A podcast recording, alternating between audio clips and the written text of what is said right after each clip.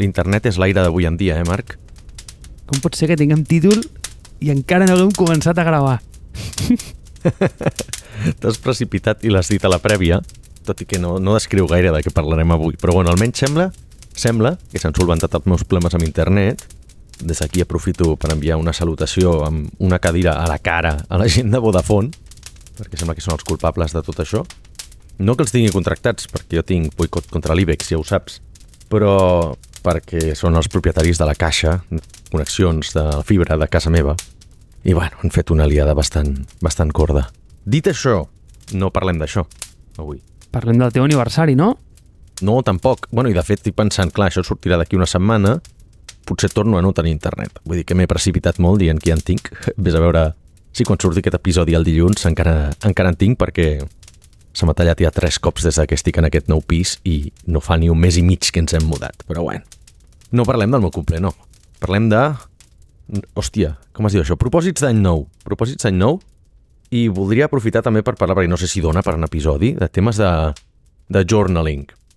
Saps per què em va agradar i em va treure un somriure quan vaig veure... Perquè hi ha coses que no canvien. I el 2024 no canviarà com fem els episodis. Bueno, la preparació que comporta es redueix a que jo ahir estava caminant per la Rambla Catalunya i li vaig escriure un WhatsApp a l'Àlex com dient Àlex, tio, de què parlem demà?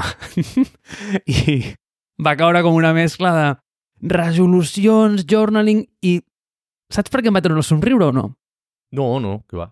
Perquè una de les més resolucions, i sé que no és resolucions, eh, perquè l'altre dia em vas corregir i, i no són resolucions, Propòsits. li seguirem dient resolucions. Una de les més resolucions va al voltant del journaling, així que crec que tenim com lligar-ho. Val, jo, la meva idea era parlar una mica de si fem propòsits o no fem propòsits, perquè és una cosa que està, sempre està com molt de moda, però m'agradaria aturar-nos un segon aquí i pensar realment per què fem propòsits, perquè si te pares a pensar, els últims 3 anys han estat els 3 anys més inestables de les nostres curtes vides, Marc, perquè tu i jo som molt joves, hi ha gent a l'audiència que no és tan jove, però segurament també han estat anys molt convulsos, a menys que hagin viscut el franquisme. Però, clar, aquests 3 anys de conflictes bèl·lics, ca caos logístic a nivell mundial, pandèmies, no sé, tot tipus de, de històries han estat, eh, fan que planificar un any vista cada cop sigui més complicat. Val? I aleshores jo aquest any m'he proposat no fer propòsits d'any nou, almenys no els que siguin anuals. Val? Jo fins ara venia fent una sèrie de propòsits d'any nou, que si vols puc dir els que, els que tenia per l'any passat, que més o menys són, són sempre similars. No? Tinc com tres, tres grans àrees, que són l'àrea de la, la salut, l'àrea de l'aprenentatge la, i l'àrea de la feina. Val? Si jo li dedico... Tenia tres grans àrees amb els meus propòsits i doncs, els, els complia més o menys cada, cada dia. Val? Eren propòsits a nivell anual. No sé si realment tenia una meta, és a dir, els meus propòsits, com bé saps, ja he parlat més d'una vegada, jo faig servir l'eina de, de tracking de Everyday, val? i els meus propòsits eren més aviat fer convertir-me en una persona d'hàbit.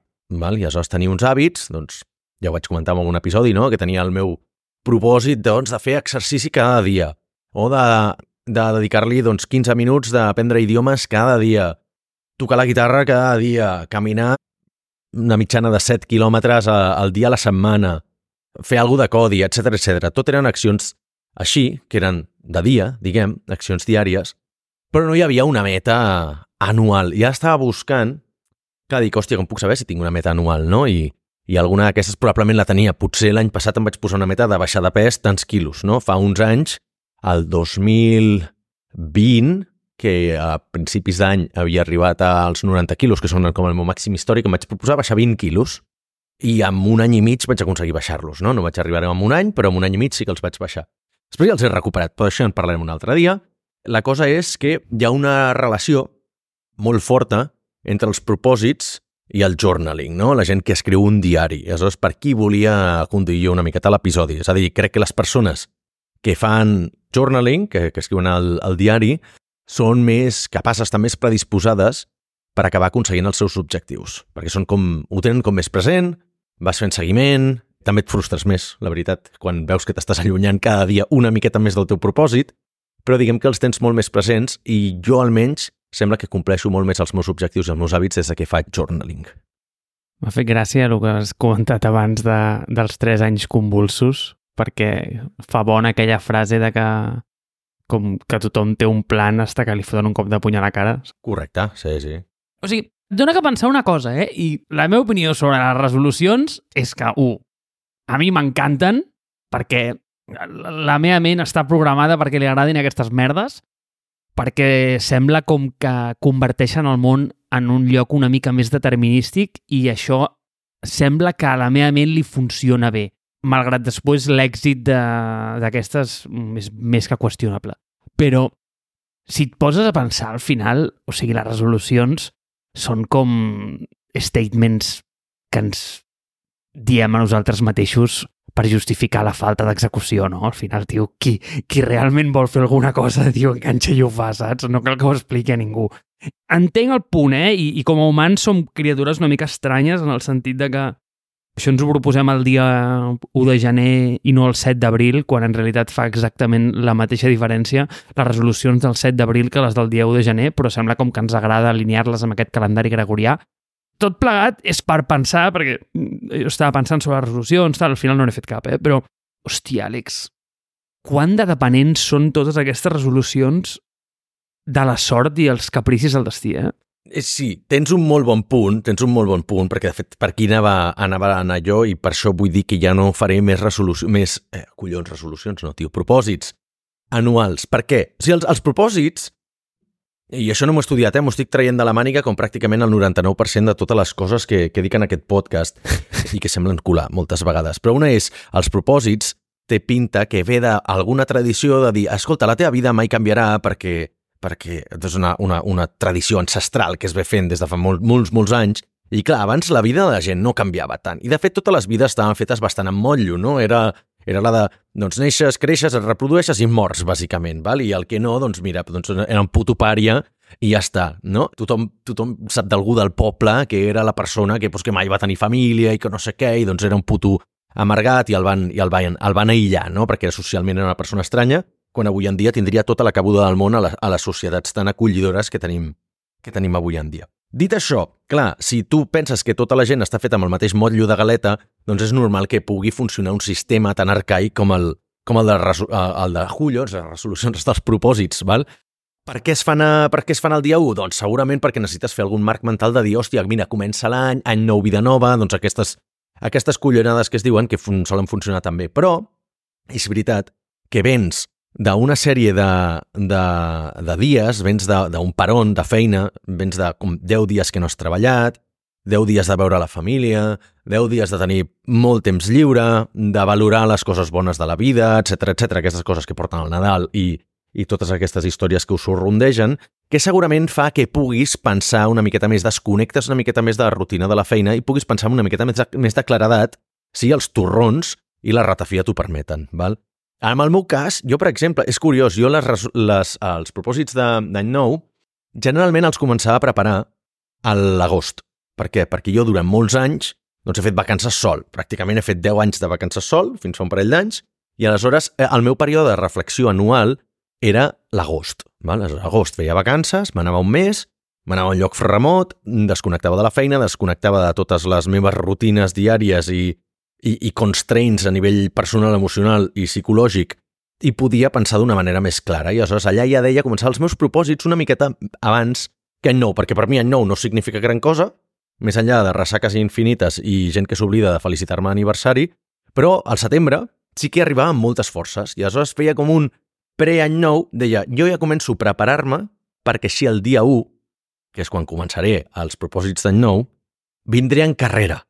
Val? Si m'he de posar a fer exercici, cada si em proposo fer exercici el dia 1, si no ho has fet mai al desembre o abans del dia 1 de gener, serà molt difícil que compleixis aquesta, aquest propòsit. En canvi, si vens amb la carrerilla aquesta de des del setembre, anar-te entrenant, anar començant ja a preparar, doncs, a comprar l'equipament, de, de, de ja intentar fer dos, tres cops per setmana, pujar-ho a quatre, després a cinc, etc etc, arribarà l'1 de gener estaràs super preparat.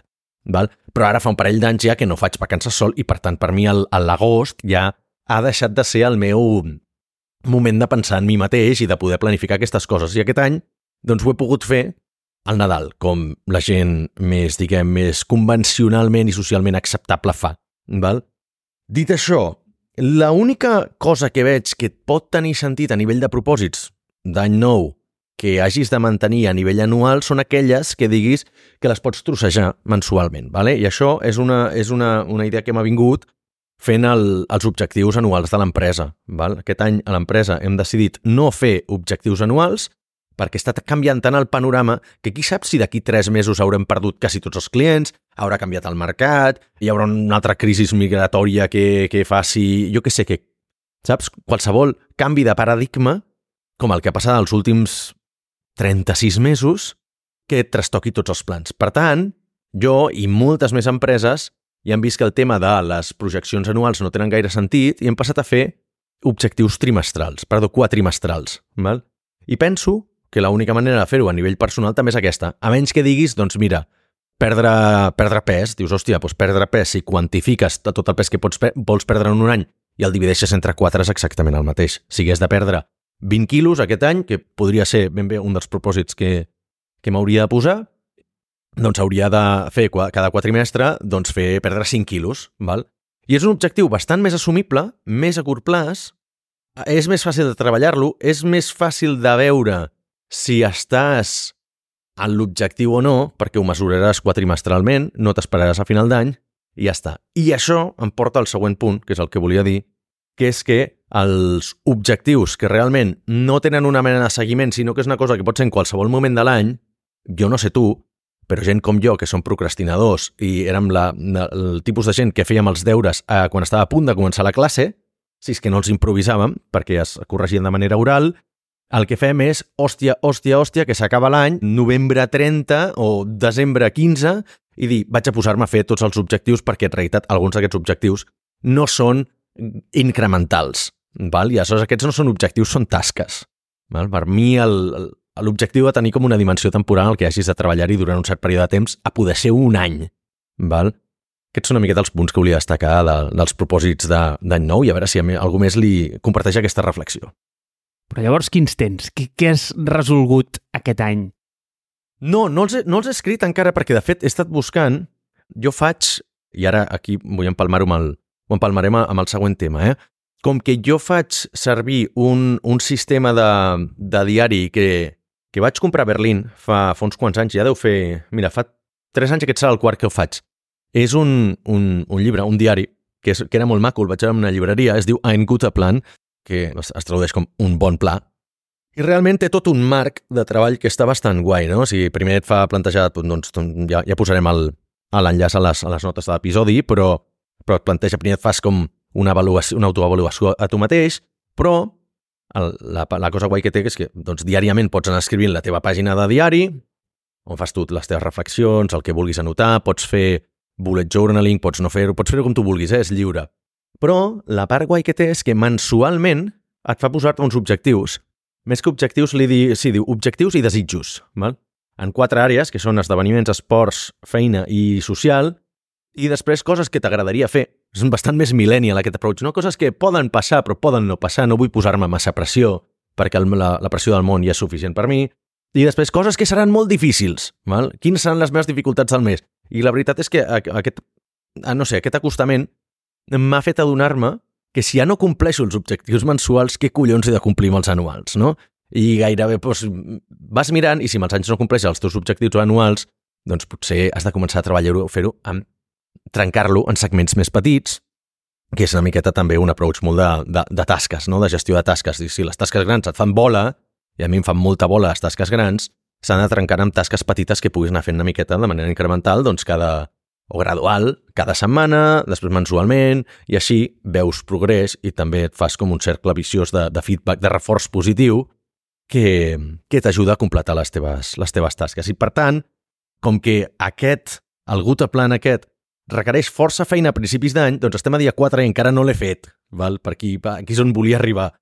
Però, tot bé, més o menys els meus objectius vindran a ser els, els mateixos que tenia en anys anteriors, val? o sigui, els mateixos eh, tres eixos que he comentat abans, però crec que a nivell anual només hi haurà el de, per exemple, el de perdre pes.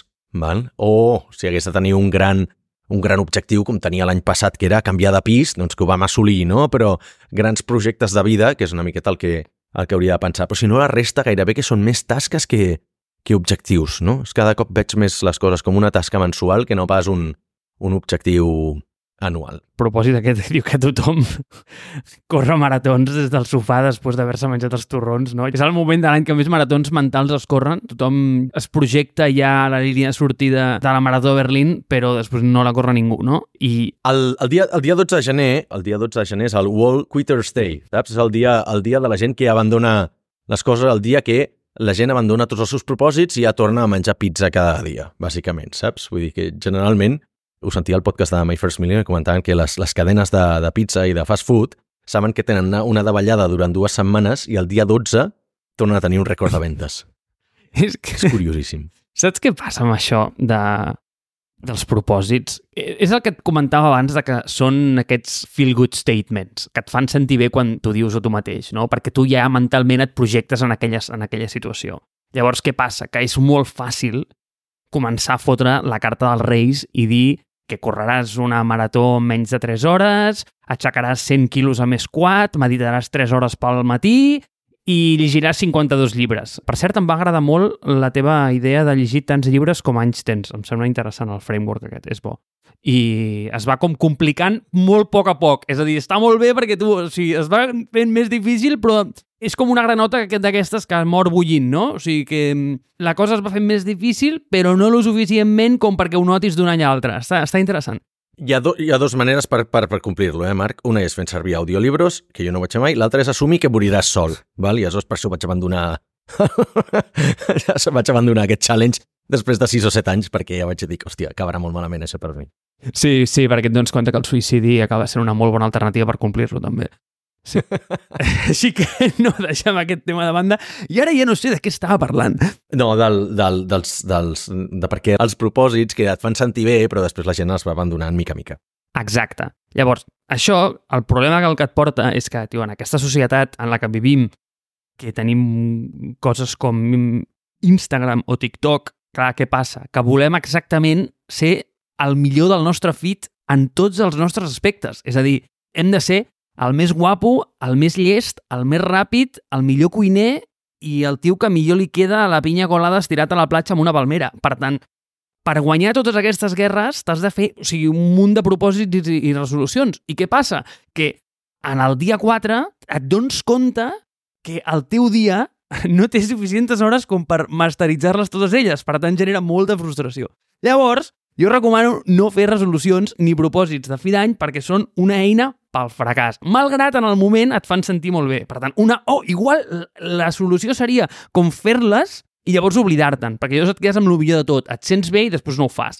Però, dit això, t'ho volia lligar amb una cosa, que no sé si és una resolució o un propòsit, no ho sé, però sí que és una bona pràctica. Jo he deixat de fer servir una cosa des de fa uns anys i estic extremadament satisfet. La Moleskine. Oh, mira, d'això en parlem després perquè és interessant també, però no és això. És els sistemes de tasques, saps? Els to-do lists. Va, per què? Els to-do lists són després del fill meu, pots fer el que vulguis en aquesta vida, la mentida més gran que se li ha donat a la societat moderna. Per què? Perquè tu en allà són com les resolucions, els sistemes aquests de gestió de tasques, digue-li things, digue-li todoist o whatever, el que sigui, és igual. Perquè tu en allà pots ficar el que vulguis. Llavors, com que pots ficar el que vulguis, la llista es pot fer infinita mm, sense cap tipus de limitació. Llavors, el teu temps és finit, però la capacitat d'engullir tasques d'un to-do list és absolutament infinita. Per tant, hi ha un problema de finitud aquí. O sigui, no sé si es nota.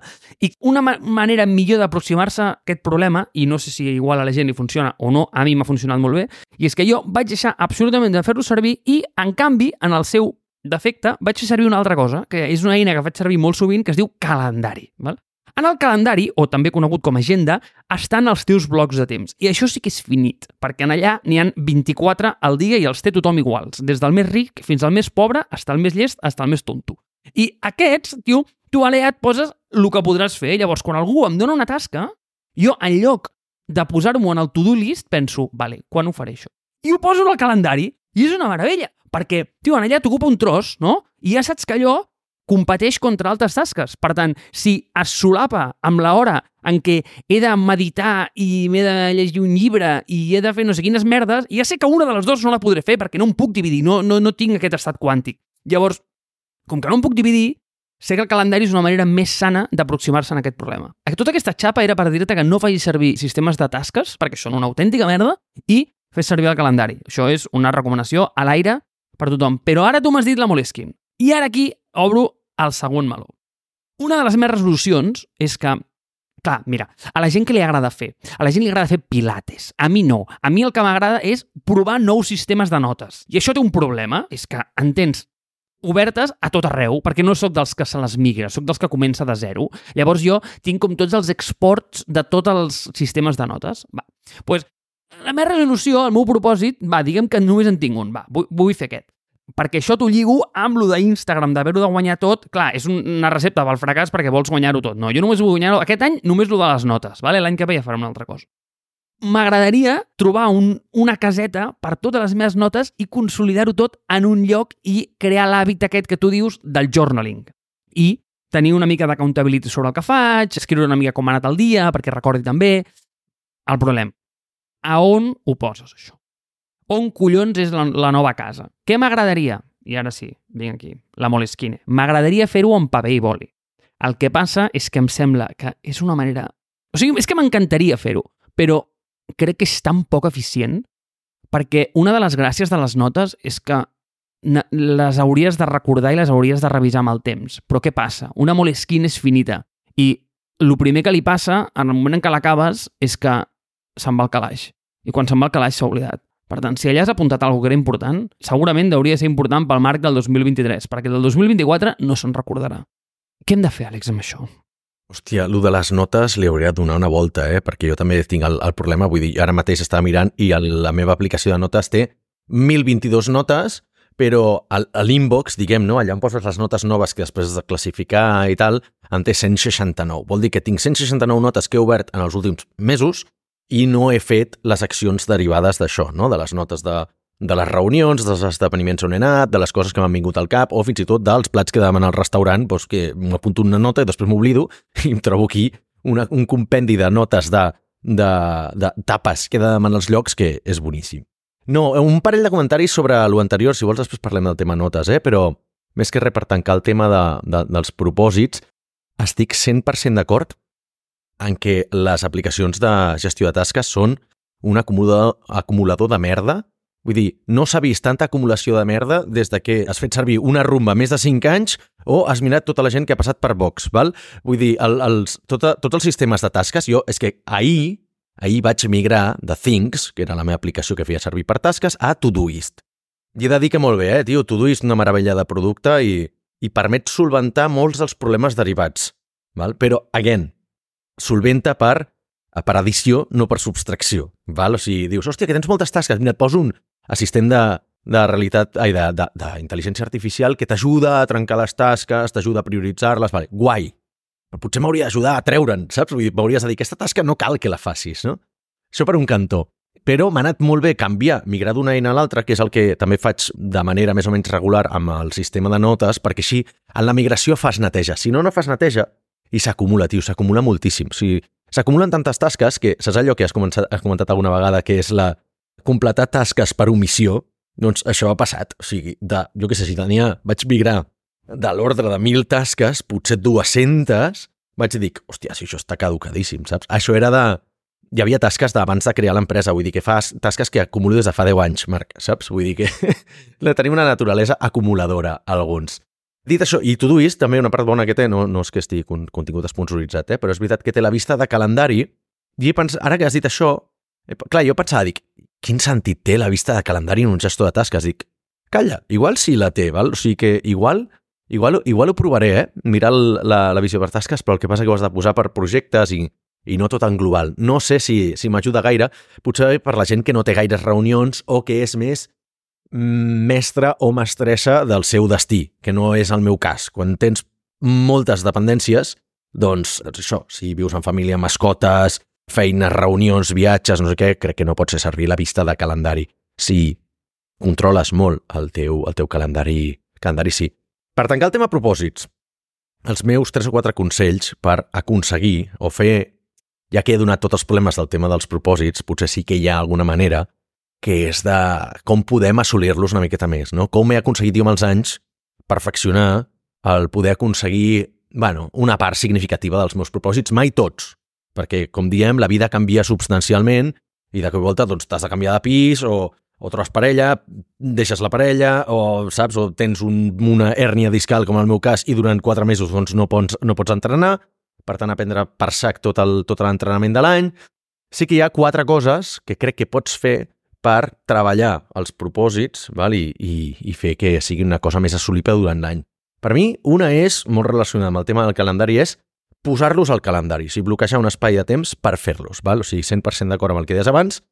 Només ho he fet en un, bueno, ho he fet, ho he fet en un parell, no? però un d'ells és el tema del gimnàs, o sigui, tinc bloquejat de les 12 a les 2 del migdia per fer gimnàs cada dia, encara que després potser dic, mira, demà no hi podré anar pel matí, vaig per la tarda.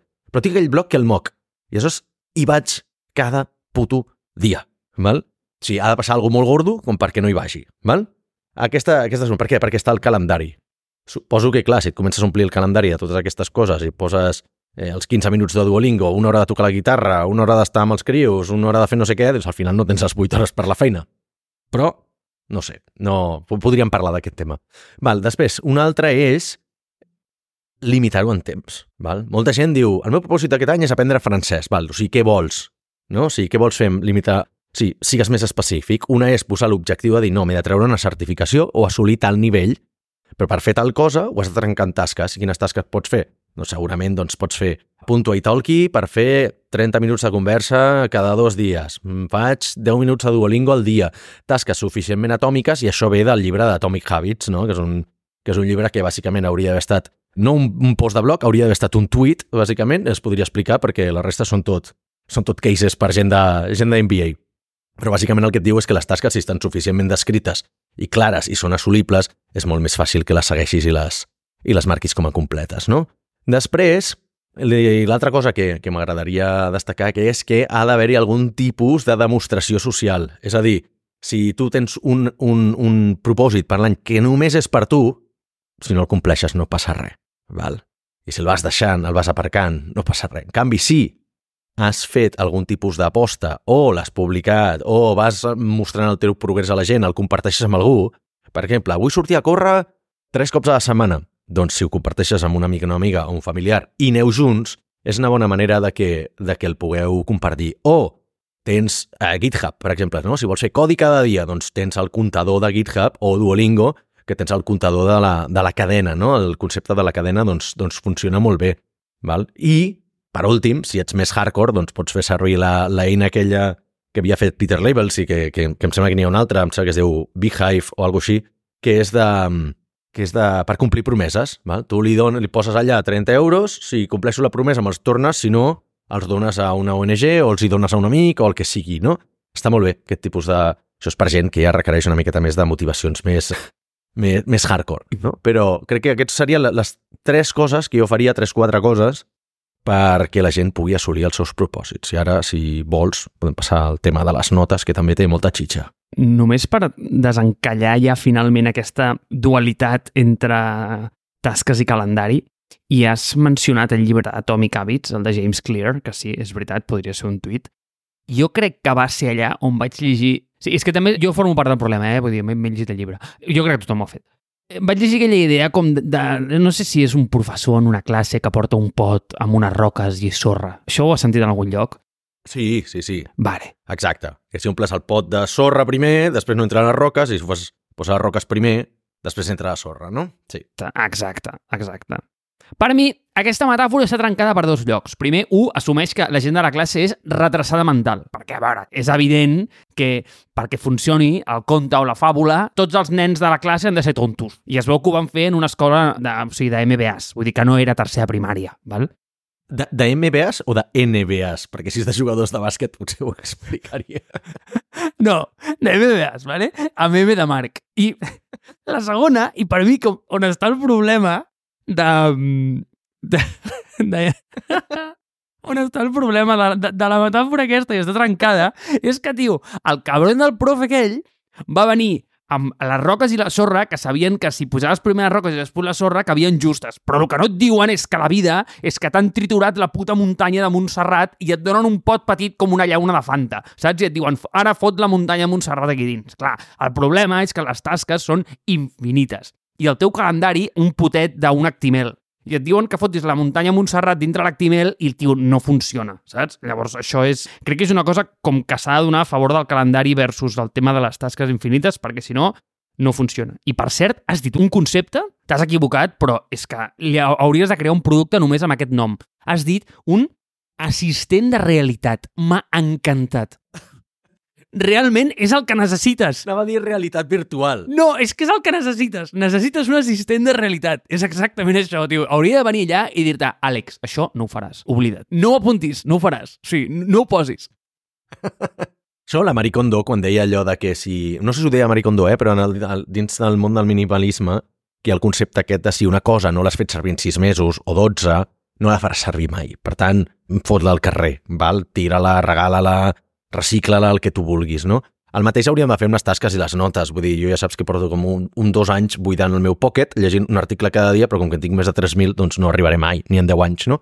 I el mateix amb les tasques i les notes. El que segurament has de fer és totes les notes més antigues d'un any, si no són coses que tu vols consolidar, perquè realment les consultes les hauries de tirar, val? Però tenir coses allà per si de cas, doncs home, d'aquests tipus de coses. No? Si tens una idea perquè a mi em passa, eh? O sigui, tinc algunes tasques que són idees, saps? De, potser podria fer aquesta idea de negoci, és això?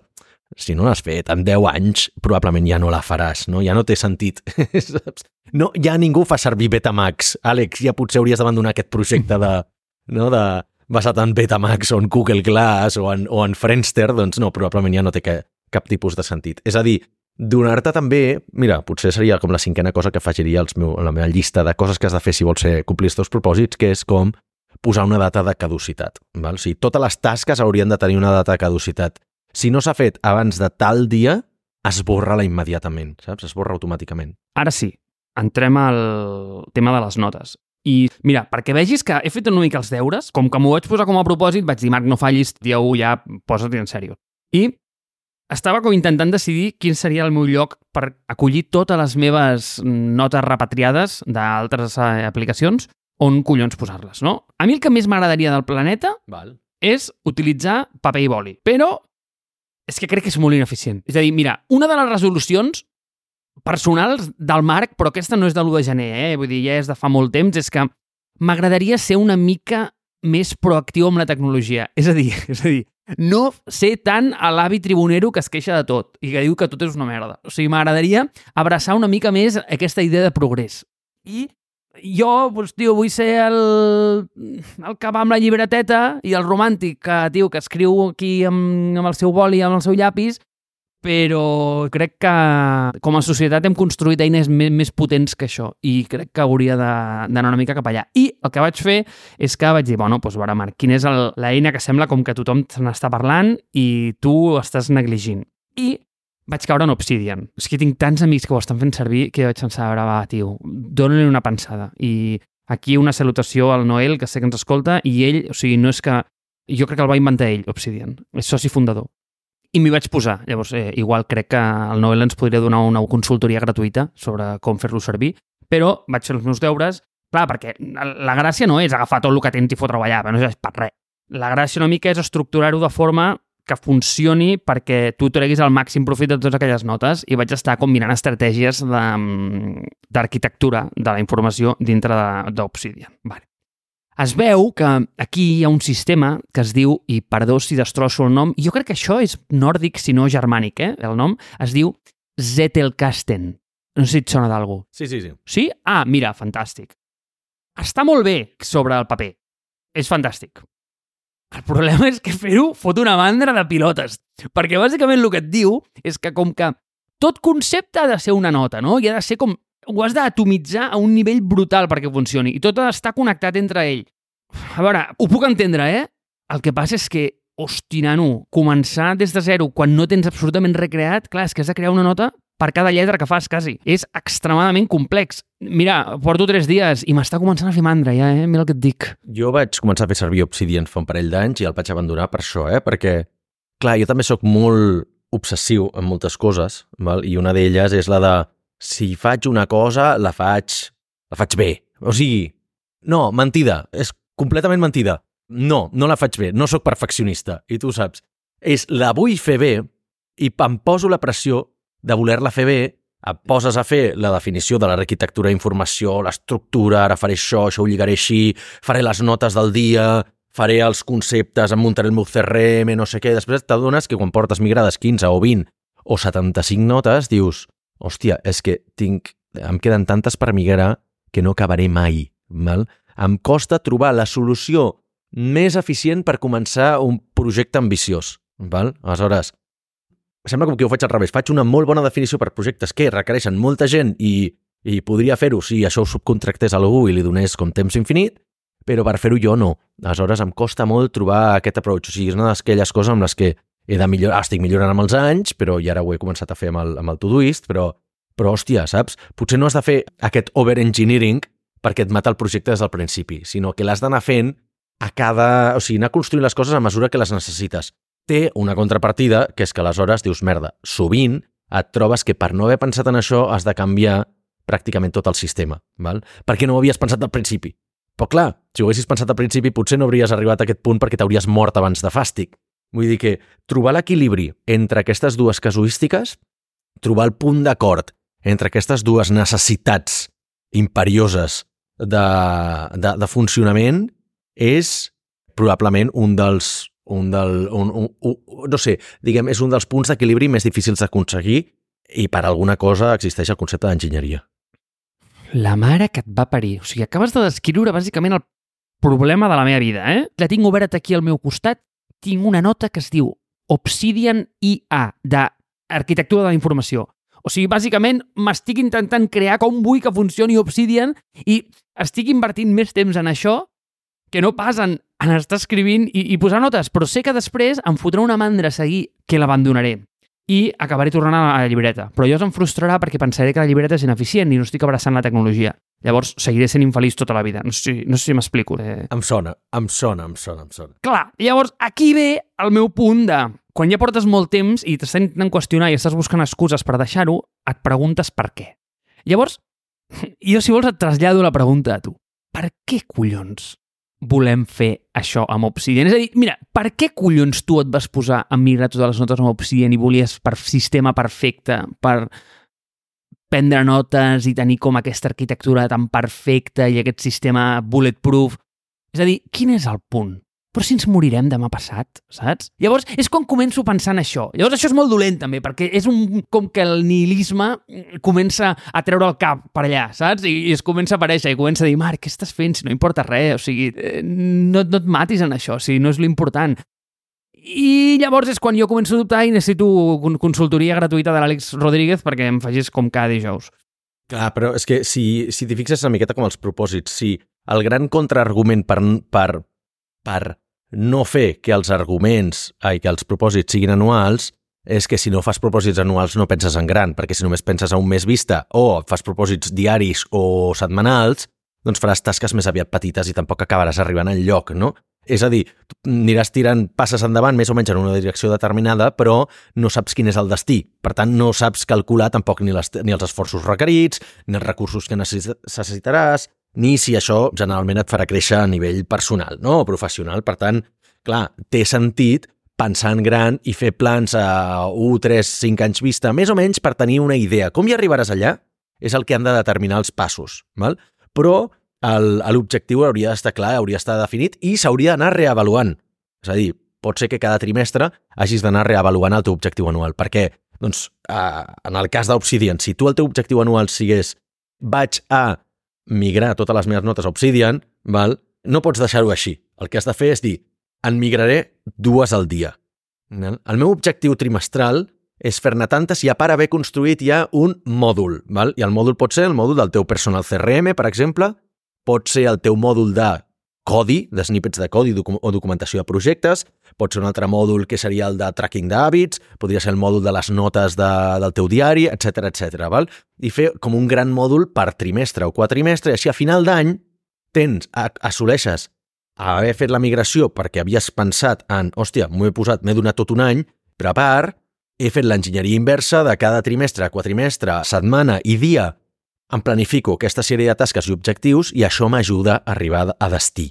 Val? Si tu fas així, és la, man la manera més eficient de que funcioni el plan. Val? Que igual et motives molt i ho acabes en la meitat de temps. Doncs per això està el tema de la reavaluació. Doncs ho acabes en meitat de temps, tens la resta de l'any per fer altres coses, tio. Per comprar-te la Play i jugar al Gran Turismo. O per seguir incrementant l'Obsidian i fins i tot desenvolupar alguna llibreria de, de codi obert i ja per algun mòdul que tu et funcioni per tal i el puguis comercialitzar. Ves a saber, val? Doncs aquí passa el mateix amb, els, amb, el, amb el tema del, de, dels propòsits i la documentació, també. És a dir, si no li dones com un sentit estratègic, acabes fent una miqueta com, com els ases, no? Tens, la, tens el, el, el sistema aquell que no et deixa veure cap als costats i només mires cap endavant, però no et planteges el teu únic sentit vital és el de donar passes cap endavant. I si no ho fas a nivell de vida, doncs fas bona la frase de qui dia passa any empeny, però sense cap tipus d'objectiu vital, no? O sigui, jo crec que si no fas el, si no fas tu mateix el replantejament aquest anual o cada quan tu vulguis de dir, hòstia, què vull fer la vida, no? Vull seguir vivint a Barcelona, me'n vull anar a viure a estranger, vull canviar de feina, vull canviar de sector, eh, vull tenir crios, no vull tenir crios, vull tenir gats, no vull tenir gats, saps? Vull passar-me a ser DJ als caps de setmana o vull dedicar-me a explorar el, el meu món interior a través de la ayahuasca.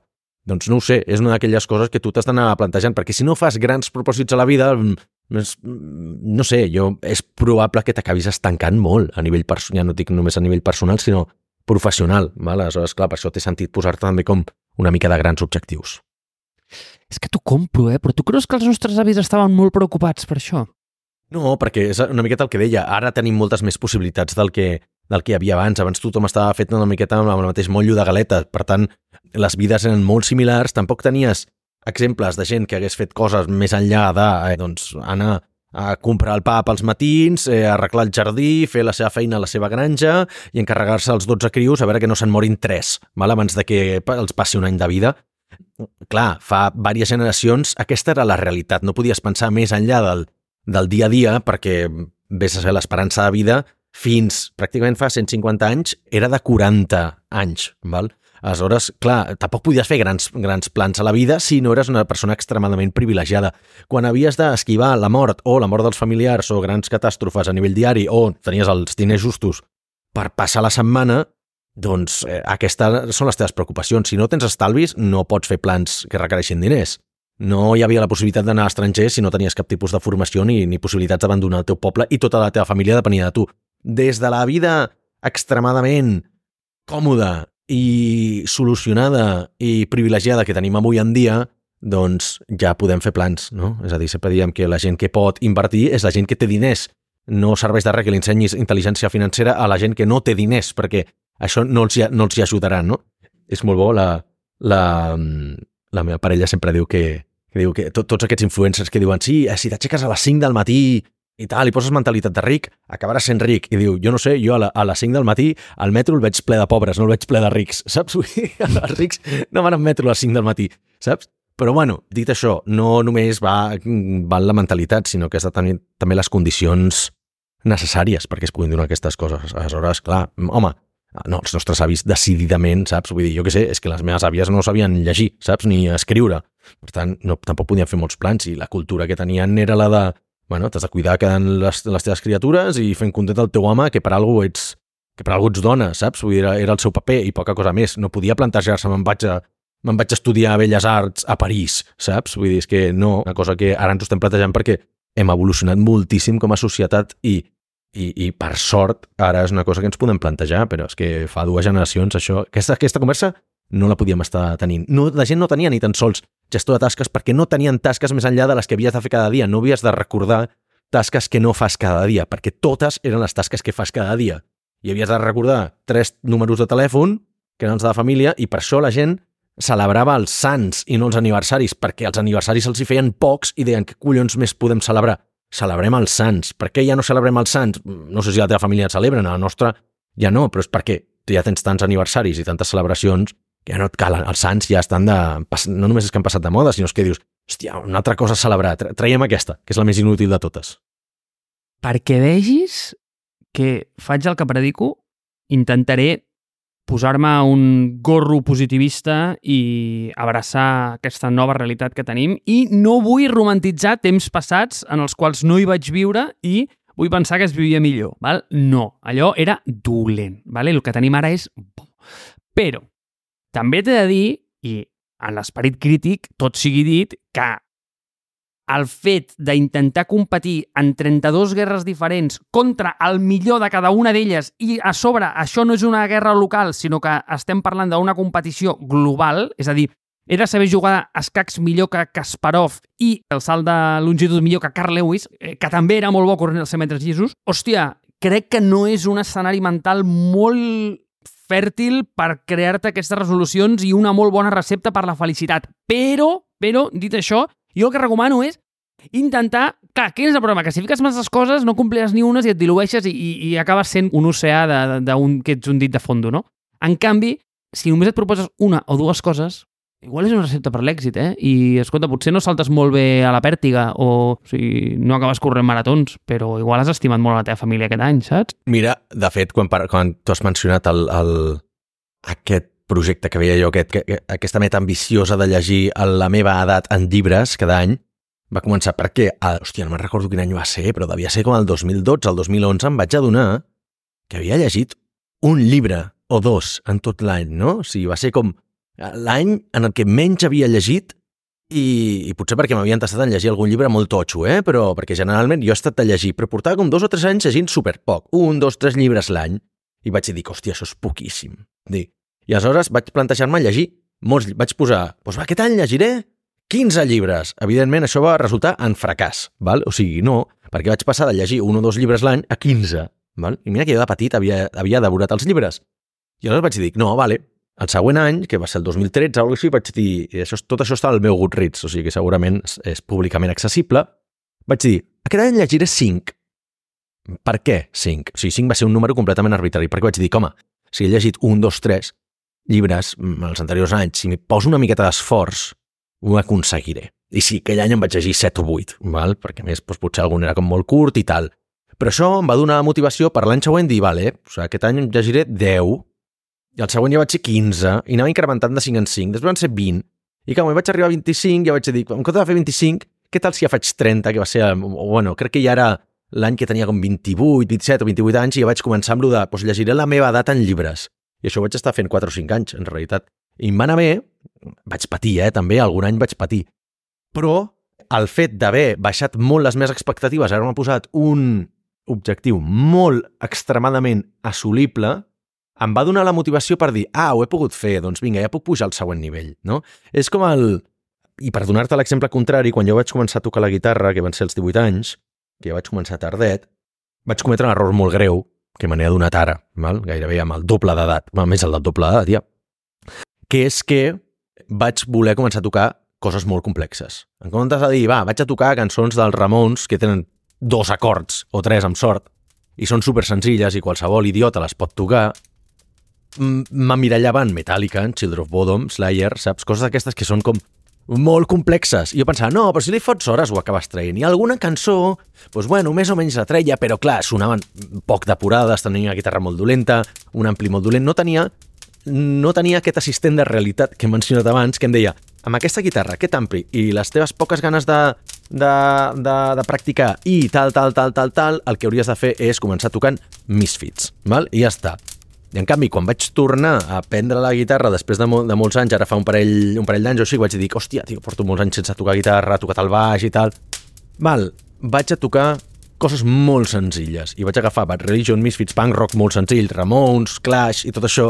I clar, treia tres cançons al dia. Per què? Perquè eren molt més assequibles, era, estaven a un nivell que estava immediatament superior al que jo estava, per tant el podia... No, no intentava pujar les escales de 10 en 10, Val? No em comparava a mi mateix amb el capítol 10 d'una altra persona. Em comparava amb el capítol 1 d'una altra persona. Val? I això és, aquesta dosis de realitat o de realisme és potser el que fa falta quan ens hem de mm, plantejar grans canvis a la vida o fer sistemes de propòsits massa ambiciosos.